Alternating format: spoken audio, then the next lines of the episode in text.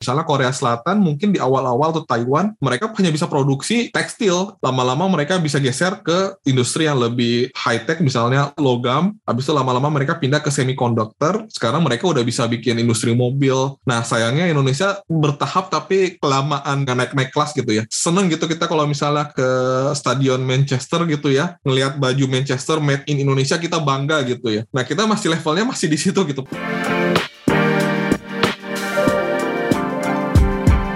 Hai sahabat TCID, kalian sedang mendengarkan podcast Suara Akademia, ngobrol seru isu terkini bareng akademisi.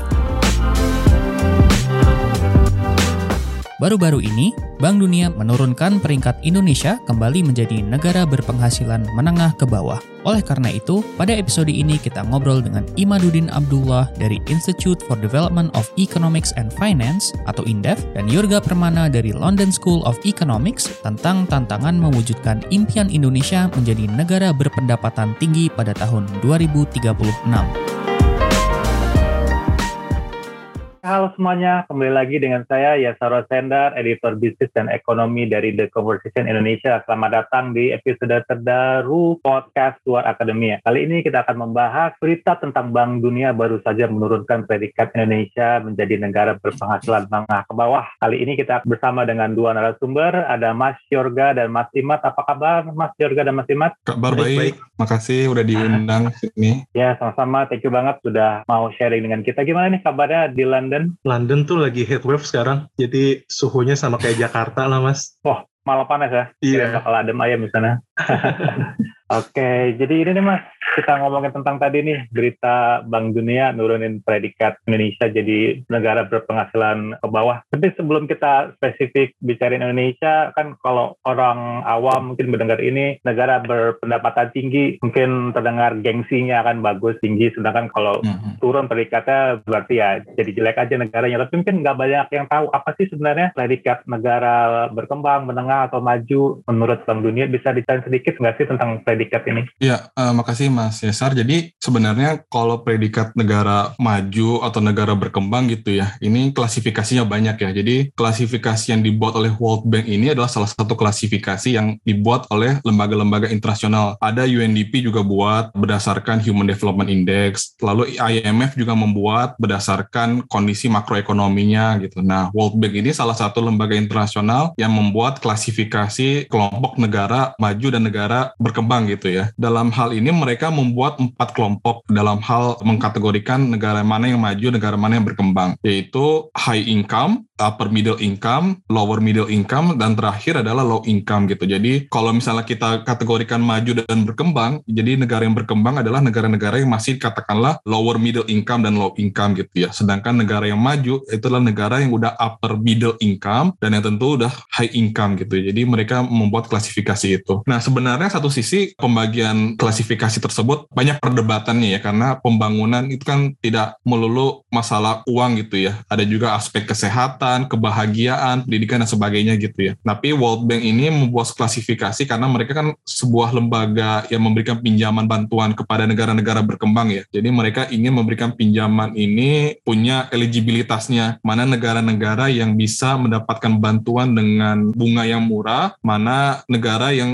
mendapatkan pinjaman dengan bunga sesuai dengan bunga pasar gitu ya. Jadi nggak ada perbedaan dengan negara-negara lainnya. Nah untuk itu mereka kayak perlu semacam dibuat klasifikasinya, yaitu empat klasifikasi tersebut yang dilihat dari pendapatan per kapita gitu. Kalau di istilahnya World Bank mereka sebutnya gross national income ya. Jadi jumlah income dari satu negara tersebut dibagi dengan populasinya gitu. Jadi makanya Indonesia kan populasinya banyak. Otomatis kalau kita bandingkan dengan Singapura secara tidak langsung akan lebih susah ya karena penduduk kita lebih banyak. Nah, mereka membuat klasifikasi ini tadi tujuannya adalah untuk negara-negara itu mendapatkan bunga ya. Misalnya katakanlah kita mau bikin apa ya, misalnya kalau zaman dulu misalnya bikin irigasi gitu ya, hmm. kita nggak punya uangnya, kita minta dana dari Bank Dunia agar mereka ngasih pinjam dana untuk bisa bikin irigasi gitu. Dan kalau kita masih levelnya low income, otomatis kita nggak bayar bunga gitu, bahkan 0% gitu ya. Bunganya sangat rendah, bahkan sampai 0% gitu. Jadi sifatnya lebih kepada pinjaman untuk membangun gitu. Kalau misalnya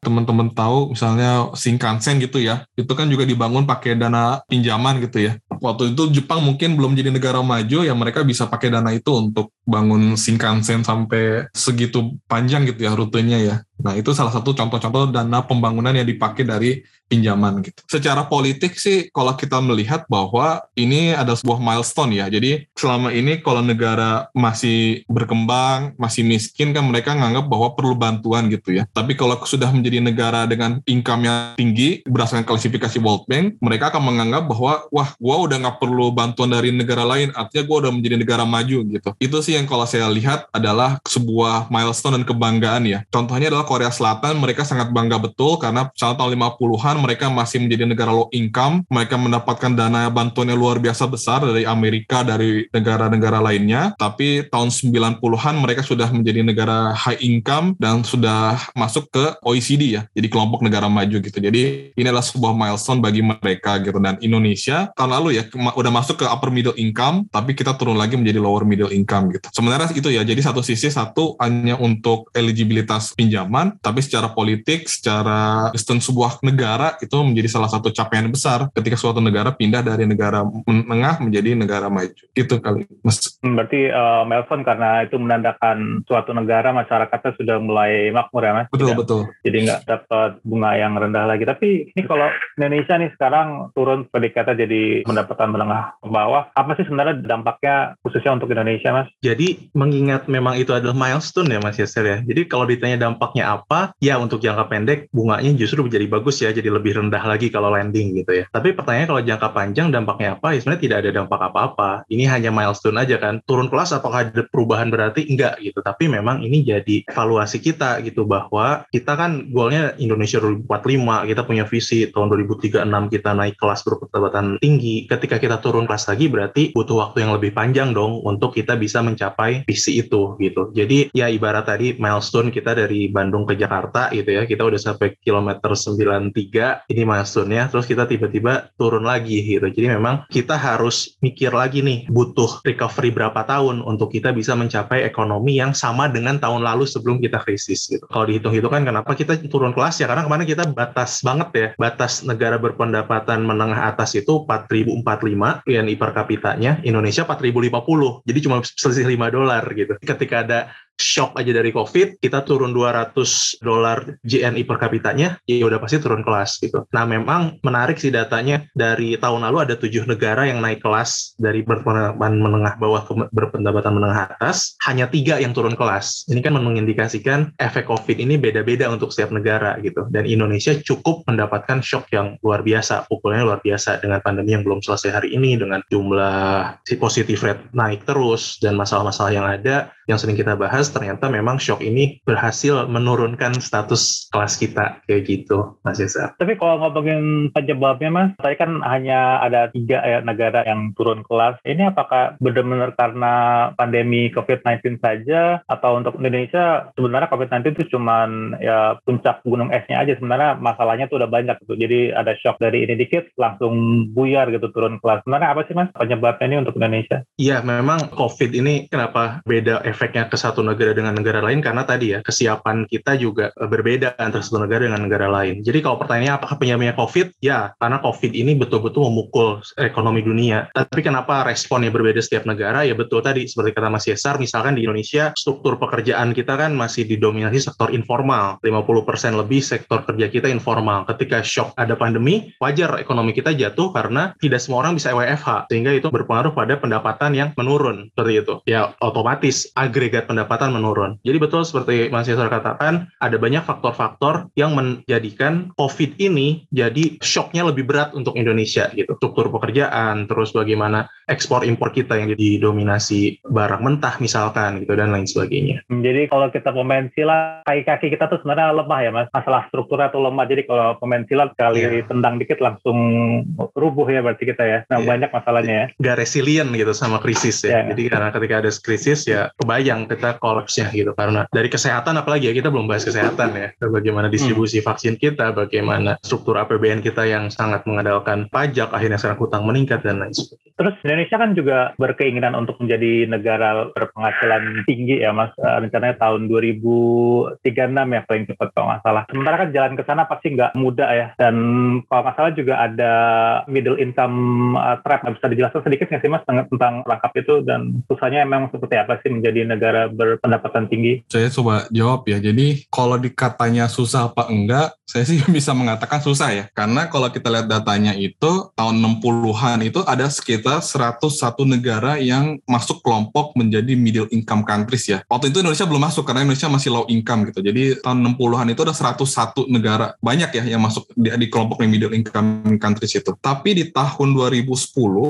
hanya 13 dari 101 negara itu yang berhasil naik menjadi high income. Contohnya South Korea, Taiwan, Israel, Yunani gitu ya. Malaysia mungkin bentar lagi ya, mungkin 5-10 tahun lagi mereka bisa naik jadi high income gitu. Jadi kalau ditanya susah apa tidak, susah gitu. Buktinya dari 101 negara, hanya 13 negara yang naik kelas menjadi high income. Kalau misalnya gampang, mungkin dari 101 negara, ya mungkin harusnya 80 negara udah berhasil naik gitu ya, negara high income. Nah pertanyaannya kenapa akhirnya hanya sedikit negara-negara terpilih lah yang bisa masuk menjadi high income gitu. Nah ini mungkin kalau dosen saya waktu itu di Jepang menyebutnya sebagai sailing glass ya. Jadi negara-negara di dunia ini kalau dari low income menjadi middle income itu katanya tidak sulit gitu ya. Asal nggak neko-neko, asal mereka punya sumber daya alam, punya investasi yang masuk, punya tenaga kerja yang murah, mereka bisa gitu dari low income ke middle income gitu. Kebanyakan yang masih terperangkap di low income kan negara-negara yang berkonflik gitu ya. Tapi kalau mereka udah selesai konfliknya, mereka udah jalan ekonominya normal, mereka akan bisa masuk ke middle income gitu. Tapi masalahnya adalah ketika mereka pindah dari middle income ke high income. Ini kalau tadi disebut ada middle income trap, ada yang juga menyebutnya sebagai itu tadi. Kalau dosen saya menyebutnya sebagai glass ceiling ya. Jadi ada atap yang nggak bisa ditembus gitu. Nah, untuk menembusnya itu perlu strategi atau kerja yang sifatnya extraordinary ya. Jadi nggak hanya lagi bisa mengandalkan yang faktor yang given. Faktor yang given misalnya katakanlah ada sumber daya alam yang banyak, terus ada tenaga kerja yang murah gitu. Atau faktor geografi, misalnya Indonesia kebetulan nih posisinya di Asia Tenggara, jadi mendapatkan manfaat dari perkembangan ekonomi yang ada di Asia Timur gitu ya. Jadi karena negara-negara Asia Timur daripada berdagang dengan Afrika yang jauh, ya mendingan berdagang dengan Indonesia gitu yang posisinya dekat gitu. Atau perusahaan-perusahaan di Jepang gitu kalau mau mereka mau investasi daripada ke Afrika yang jauh mendingan mereka investasi ke Indonesia. Itu kan faktor geografi. Itu faktor-faktor given ya. Tapi kalau mau naik kelas itu perlu faktor yang sifatnya uh, nggak given. Yaitu contohnya adalah teknologi human development gitu ya yang membuat mereka itu tidak lagi memanfaatkan hal yang ada gitu. Dengan misalnya dengan bermanfaat dengan pertanian yang ada dengan sumber daya alam yang ada tapi ya itu mereka bisa memproduksi barang dengan teknologi yang tinggi atau menjadi global leader gitu dalam inovasi suatu produk gitu. Nah itu sih menurut saya kuncinya ya kalau misalnya kita ingin pindah dari middle income menjadi high income. Nah lagi-lagi tadi kalau misalnya dikatakan kenapa akhirnya banyak negara yang terperangkap di middle income trap karena itu mereka hanya selama ini mengandalkan yang given. Contohnya tadi kayak labor gitu ya. Sedangkan kan labor lama-lama upah naik ya. Ketika upah naik udah tidak lagi kompetitif dengan negara lain akhirnya daripada invest misalnya katakanlah tadinya banyak pabrik di Indonesia gitu ya karena upah di Indonesia murah. Kalau lama-lama naik ya udah akhirnya perusahaan itu memilih pindah ke misalnya ke Bangladesh, ke Pakistan ya otomatis akhirnya Indonesia terperangkap dalam middle income trap ini. Makanya perlu inovasi, perlu kualitas pendidikan yang baik sehingga akhirnya kita melakukan inovasi dan bisa menjadi global leader ya dalam produksi barang di dunia. Jadi ini negara-negara yang gagal naik kelas tuh negara-negara yang terlena ya mas, punya sumber daya banyak tapi nggak memaksimalkan dengan baik akhirnya yang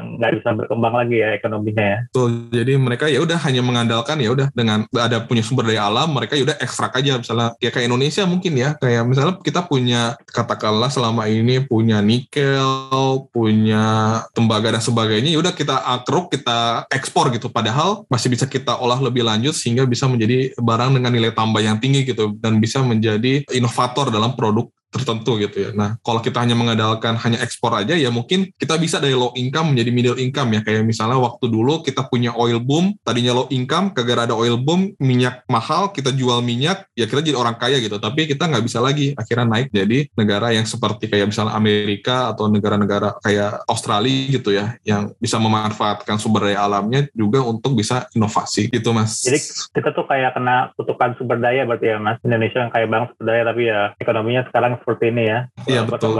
Tapi kalau kalau berkaca dari negara-negara yang berhasil naik kelas, sebenarnya modal yang berhasil mereka punya tuh apa aja sih mas sehingga mereka bisa naik kelas? Sebenarnya kuncinya di inovasi ya. Jadi misalnya katakanlah Korea Selatan ya. Korea Selatan itu walaupun banyak yang mengatakan Korea Selatan itu negara yang sangat beruntung ya karena mereka waktu itu maju ketika lagi ada perang dingin antara Amerika dan Rusia gitu. Jadi Amerika khawatir kalau misalnya Korea ini dikuasai oleh komunis, ya udah akhirnya Amerika ngasih bantuan yang luar biasa besar kepada Korea, terus ngasih preferensial tarif yang luar biasa juga buat Korea gitu biar Korea bisa ekspor ke US. Tapi kalau saya lihat yang lebih kunci penting adalah inovasi gitu. Kalau kita lihat patennya misalnya ya, paten di Korea itu luar biasa sehingga akhirnya sekarang tahu kita ada produk kayak misalnya Hyundai, Samsung dan sebagainya ya dan mereka menjadi global leader untuk industrinya gitu. Jadi menurut saya kata kuncinya di faktor produksi yaitu inovasi itu. Kalau mereka tidak bisa melakukan inovasi ya akhirnya kalah dan akhirnya produk yang dihasilkan ya tidak punya nilai tambah yang tinggi akhirnya ya udah. Jadi menurut saya sih kuncinya itu inovasi dan pendidikan ya. Kalau kuncinya inovasi dan pendidikan kita tuh seberapa tertinggal sih mas dibanding negara-negara lain sehingga kita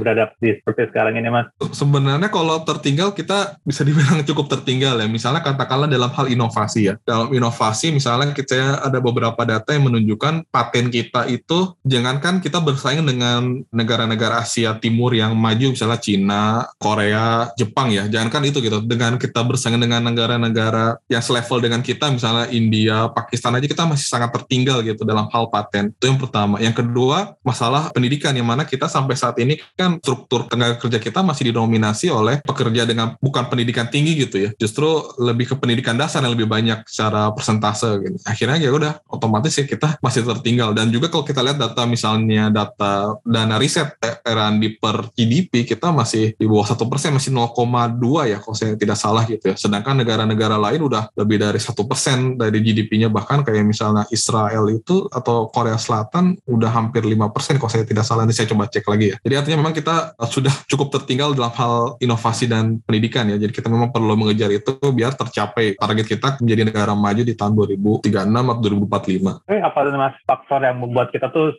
begitu tertinggalnya gitu? Tadi Korea kan tadi 5% kita hanya hanya satu persen gitu. Apakah emang dorongan dari pemerintahnya yang kurang ataukah mungkin sumber daya kita juga belum siap untuk mendukung terciptanya inovasi yang yang baik itu mas di Indonesia? Iya kalau saya sih kalau untuk itu kompleks ya. Artinya banyak faktor yang menyebabkan itu yang mulai dari faktor political will-nya. Karena bagaimanapun kan inovasi dan paten ini jangka panjang ya. Sedangkan kadang-kadang kita politik ini perspektifnya lima tahun gitu. Jadi lebih suka membangun infrastruktur yang bentuknya tuh kelihatan dalam bentuk satu dua tahun gitu. Bahkan menjelang misalnya dalam lima tahun ketika sudah mau selesai periode ada hal yang bisa dipamerkan. Wah udah kebangun berapa jembatan udah kebangun berapa tol gitu misalnya. Tapi kalau misalnya yang difokuskan adalah inovasi kan ini jangka panjang ya. Hal yang menurut saya tidak bisa dijual gitu ya. Sayangnya tidak bisa dijual secara politik. Misalnya nggak bisa tuh kalau misalnya dibilang bahwa wah dalam tiga tahun ini kita sudah membiayai riset berapa persen gitu. Orang kan bertanya mana hasilnya? gitu. Yang sifatnya jangka pendek gitu. Nah inilah constraint politik yang akhirnya membuat investasi kita terhadap R&D menjadi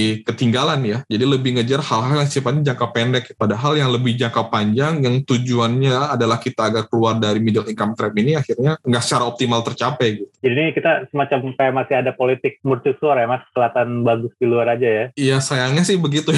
Ya jadi kita memang ya itu ini ya, memang akhirnya kita perlu kayak semacam kerja bersama ya, nggak cuma pemerintah, tapi juga universitas, bisnis juga agar mendorong itu gitu. Karena selama ini jangan sampai bisnis di Indonesia lebih banyak perspektifnya trade ya. Ada barang dijual selesai gitu, nggak mau produksi barang yang punya nilai tambah tinggi gitu. Kalau perspektif juga dari pengusaha adalah memproduksi barang dengan nilai tambah tinggi, mereka ada insentif untuk melakukan inovasi gitu. Jadi akhirnya otomatis dana riset juga bisa ditambah gitu oleh dukungan private. Tapi kalau misalnya bisnisnya lebih banyak fokus di trade gitu yang penting dagang ya udah akhirnya kita nggak bisa menciptakan inovasi produk yang berkualitas untuk bisa bersaing di pasar global. Kalau menurut Mas Ima atau Mas Yorga nih kan tadi target Indonesia negara berpenghasilan tinggi di tahun 2036 itu sebenarnya realisnya sih Mas apa emang halu banget nih pemerintah menetapin target di tahun itu? Menurut saya ya tadi memang kalau kita bisnis as usual gitu ya dengan prediksi yang kayak gini sekarang sekarang aja ya pasti kita akan terjebak dalam middle income trap ini ya. Maksudnya itu pasti halu gitu. Ya kecuali kita memang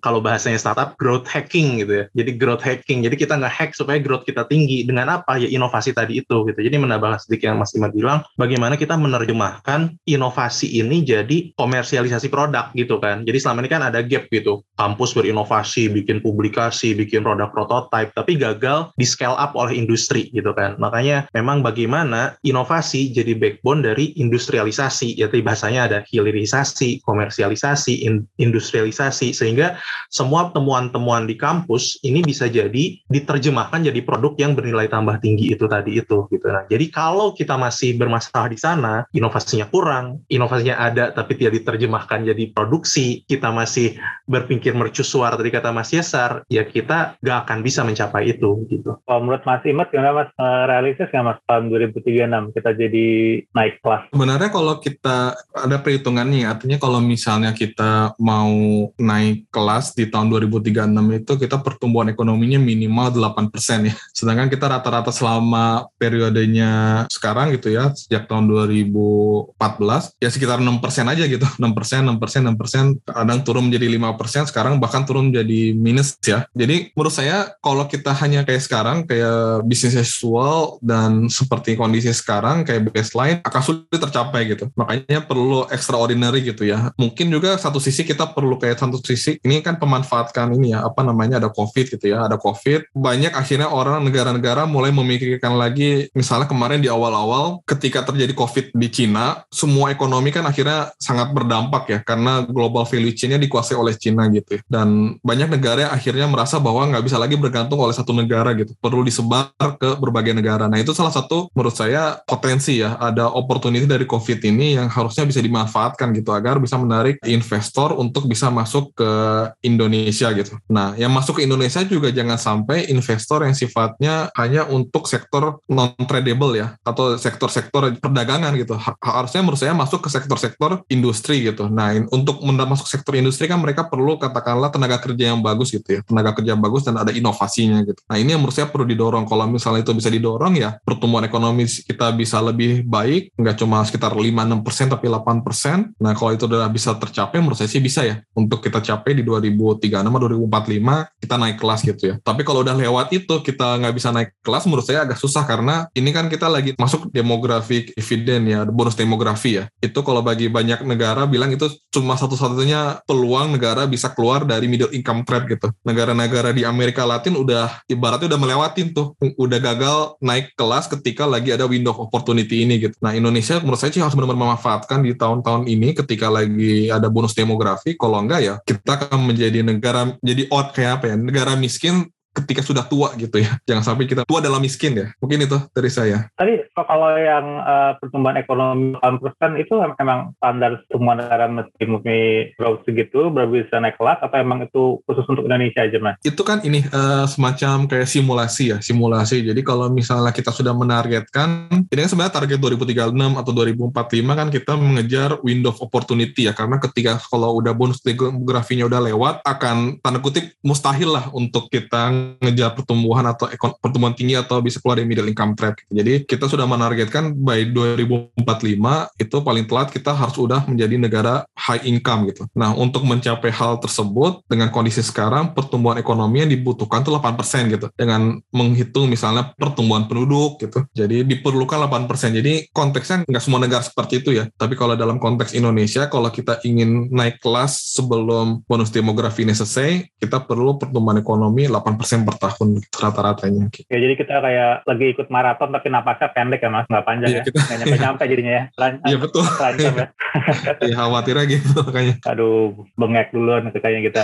tapi kalau mas Mas Jurga kan tadi mas bilang inovasi, terus inovasi itu jadi produk, terus produk tuh di, diproduksi, ini berarti kan sektor manufaktur yang jadi kunci ya mas ya. Uh, sebenarnya betul. sekarang sektor manufaktur kita tuh seperti apa sih mas? Dan apa sih uh, masalahnya mungkin di, di sektor itu? Jadi pertama, kenapa manufaktur manufaktur ini penting gitu ya. Memang banyak alasannya, banyak studi-studi yang membahas kenapa sektor manufaktur ini inovasi diterjemahkan jadi industri manufaktur ini jadi salah satu backbone bagi tumbuhnya pertumbuhan ekonomi tadi naik kelas itu gitu. Kalau kita lihat dari sejarahnya, Indonesia transformasi struktural dari pertanian ke manufaktur gitu. Itu kan yang menyebabkan kita bisa naik kelas dari negara berpendapatan rendah menjadi negara berpendapatan menengah gitu. Ada tiga alasan. Pertama misalkan riset membuktikan ada hubungan antara pertumbuhan sektor manufaktur dengan pertumbuhan ekonomi gitu. Jadi kalau pengen mengejar 8% tadi itu ya manufakturnya harus dinaikin gitu. Karena banyak riset empiris yang membuktikan itu negara-negara di zaman dulu yang naik ekonominya menjadi negara berpenghasilan tinggi itu adalah negara ditopang oleh sektor manufaktur yang besar. Yang kedua, sektor manufaktur juga pekerja menciptakan pekerjaan-pekerjaan di sektor lain gitu Mas. Jadi logikanya dengan adanya pabrik yang punya 100 karyawan, dia juga menghasilkan 200 pekerjaan tambahan di sekitarnya gitu kan dari tukang laundry, dari tukang ojek, dari kos-kosan dan lain sebagainya. Dia, dia menciptakan pekerjaan-pekerjaan di sektor lain. Yang ketiga, sektor manufaktur ini kan sangat bergantung pada teknologi ya. Nah, teknologi yang terakumulasi ini yang jadi keunggulan bersaing kita gitu. Yang awalnya kita tadi ekspor nikel,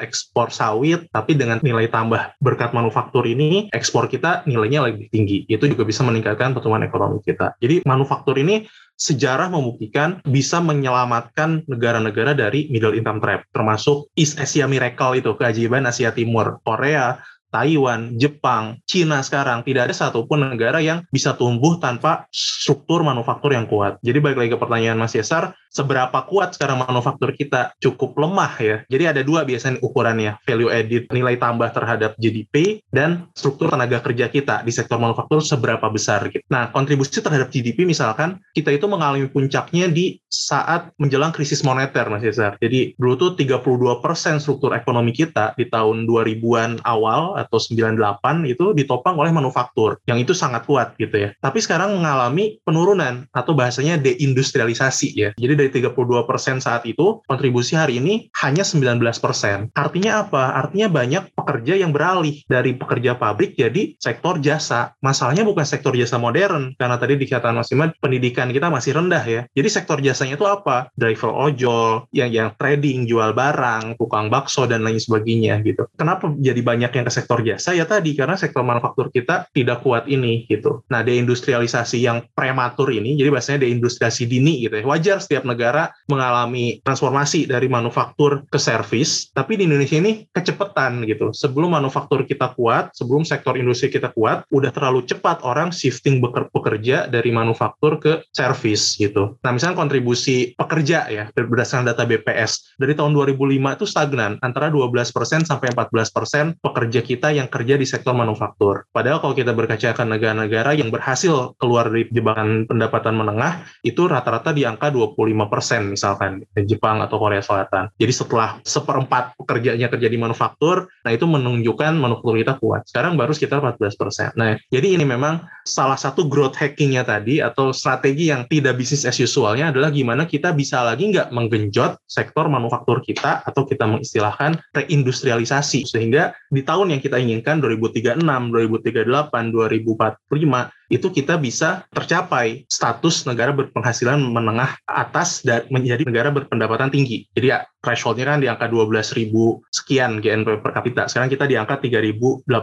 Jadi masih kita mengejar 8.000 lagi ya, 8.000 dolar lagi GNP per kapita untuk bisa ngejar itu. Dan dengan industrialisasi, dengan fokus pada inovasi yang diterjemahkan jadi industri, itulah growth hacking kita untuk bisa naik kelas lagi gitu mas. Ini berarti kalau kita lagi main game nih, kita pemerintah tuh kayak menekan tombol reset kali ya. Kita uh, ulang lagi nih dari, dari awal ditata lagi. Tapi kalau mungkin dari dari Mas Imat ya, gimana sih caranya atau mungkin strategi yang dilakukan pemerintah untuk mencapai target yang tadi Mas dengan reindustrialisasi ini? Iya, kalau menurut saya uh, reindustrialisasi di saat-saat ini ya, di saat-saat di mana sudah pada ekspansi apa namanya global value chain gitu ya. Terus ada globalisasi dan persaingan antar negara itu sangat ketat ya. Kalau dulu mungkin ya negara yang bisa bikin pabrik hanya beberapa gitu ya. Misalnya karena Afrika masih sibuk perang sipil, terus misalnya negara-negara banyak konflik gitu, jadi relatif lebih sedikit lah saingannya gitu. Sekarang saingannya udah banyak banget di negara-negara Afrika, juga sudah banyak negara yang bisa bikin pabrik, di negara-negara Asia Selatan, Pakistan, Bangladesh juga mereka sudah mengajak investor untuk bikin pabrik juga gitu. Dalam konteks itu menurut saya Indonesia saat ini kalau mau reindustrialisasi harus melihat dari kondisi internal kita dulu ya. Misalnya apa sih yang kita punya, apa yang bisa kita punya komparatif advantage ya keunggulan komparatif kita dan gimana caranya kita bisa naik kelas gitu. Nah berangkat dari situ kalau saya sih melihat ada tiga faktor yang membuat kita bisa mendorong industri dalam negeri lagi gitu atau reindustrialisasi. Pertama adalah sumber daya alam, yang kedua adalah kebijakan industri, yang ketiga adalah inovasi ya lagi-lagi balik lagi ke inovasi lagi gitu. Nah yang pertama masalah sumber daya alam gitu. Nah ini mungkin agak berbeda ya dengan beberapa penelitian yang mengatakan bahwa negara yang kaya sumber daya alam cenderung miskin gitu ya kan tadi udah disampaikan ada kutukan sumber daya alam atau resource curse ya gitu. Tapi kalau saya dan Mas Yorga mungkin di kita udah bikin tulisan untuk the conversation kita percaya bahwa sumber daya alam ini nggak semata-mata hanya menjadi kutukan gitu ya. Karena ternyata banyak kok negara-negara yang menjadi negara maju menggunakan kekayaan sumber daya alamnya itu sendiri gitu. Misalnya katakanlah Australia, Norway, Kanada, bahkan Amerika Serikat sendiri itu mereka bisa membangun industri industri yang sangat kuat ya uangnya dari mana? Uangnya dari uang oil gitu ya. Ketika mereka berhasil menemukan minyak gitu ya, discover minyak di abad 18, 19, mereka bisa pakai uang itu untuk membangun industrinya gitu. Nah ini yang menurut saya harusnya kita bisa belajar bahwa sumber daya alam ini kalau misalnya dimanfaatkan dengan baik, ini bisa mendorong untuk kemajuan gitu. Dan sebenarnya terbukti bahwa Indonesia di tahun 70-an ya, bisa menggunakan oil boom itu, windfall, tambahan penghasilan dari sumber daya alam untuk diinvest kembali ke Indonesia ke dalam negeri untuk membangun industri yang kuat gitu. Makanya kita dengar sekarang ada dulu ya, eh, misalnya katakanlah ada Krakatau Steel, ada Indosmen, lalu ada Indosmen itu salah satu pabrik semen yang besar banget ya untuk skala Asia aja udah luar biasa besar di saat itu ya waktu tahun 70-an. Itu uangnya dari mana? Uangnya dari oil ya, dari minyak gitu. Nah ini yang menurut saya hal-hal seperti ini perlu dimanfaatkan. Nah kalau di saat sekarang apa sih bisa dimanfaatkan gitu? Nah menurut saya ada banyak barang-barang tambang yang kalau bisa kita bangun industri hilirnya kita bisa mendapatkan nilai tambah yang tinggi gitu. Misalnya katakanlah uh, nikel ya. Nikel ini kan bahan utama untuk membangun baterai gitu. Sedangkan baterai ini sekarang benar-benar dicari orang untuk keperluan industri mobil listrik gitu. Kita kalau misalnya teman-teman lihat bagaimana industri mobil listrik ini benar-benar booming gitu ya. Bahkan sahamnya Tesla itu salah satu yang paling tinggi gitu ya peningkatannya gitu ya. Karena orang melihat bahwa masa depan ya bagaimanapun pasti mobil listrik dan untuk membuat mobil listrik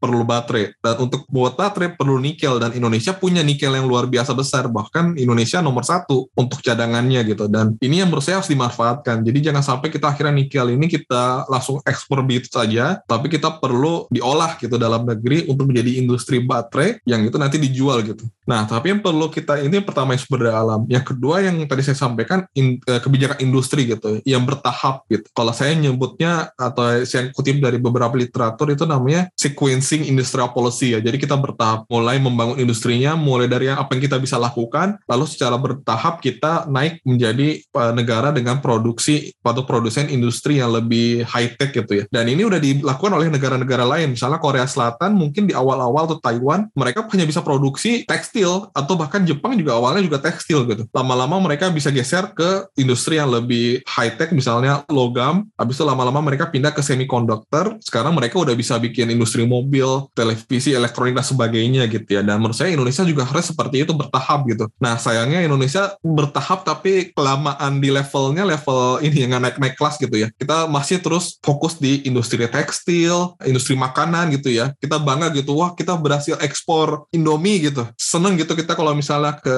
stadion Manchester gitu ya, ngelihat baju Manchester made in Indonesia kita bangga gitu ya. Nah kita masih levelnya masih di situ gitu. Padahal harusnya kalau kita udah tahun 80-an kita industrinya bangun produksi baju produksi makanan ya kita harusnya sekarang udah mulai bergeser ke industri yang lebih high tech ya. Tapi sayangnya lagi-lagi ya faktor tiga tadi inovasi gitu. Dan kalau kita lihat misalnya katakanlah salah satu indikatornya istilah namanya total faktor productivity ya. Dan kalau kita bisa melihat data total faktor productivity-nya kita bahkan minus gitu ya indikatornya. Bahkan growth-nya minus dibandingkan negara-negara lain yang justru mengalami peningkatan gitu. Jadi produktivitas kita justru menurun dibandingkan tahun 90-an gitu. Jadi bahkan berarti eh, industri kita nggak produktif dibandingkan dulu gitu. Nah ini yang menurut saya perlu inovasi agar kita naik kelas. Jadi kita nggak cuma lagi tekstil ini kita udah punya uh, comparative advantage-nya. Menurut saya semulai lama-lama naik kelas untuk pindah ke sektor lainnya. Kalau misalnya kita selama ini misalnya katakanlah banyak industri palm oil gitu ya. Harusnya menurut saya udah kita nggak lagi jual palm oil lagi gitu. Tapi kita udah melakukan produksi lebih dalam misalnya katakanlah bisa membuat sabun gitu ya. Sabun dari minyak kelapa sawit. Jadi udah lebih high value added gitu. Itu sih menurut saya saya tiga kata kuncinya sumber daya alam, kebijakan industri dan inovasi. Kalau itu kita bisa pakai, menurut saya kita bisa mencet reset ya, reset tombol dan kita bisa mendorong industri kembali. Mungkin itu. Oke Mas, jadi ini uh, Indonesia turun kelas, jadi ya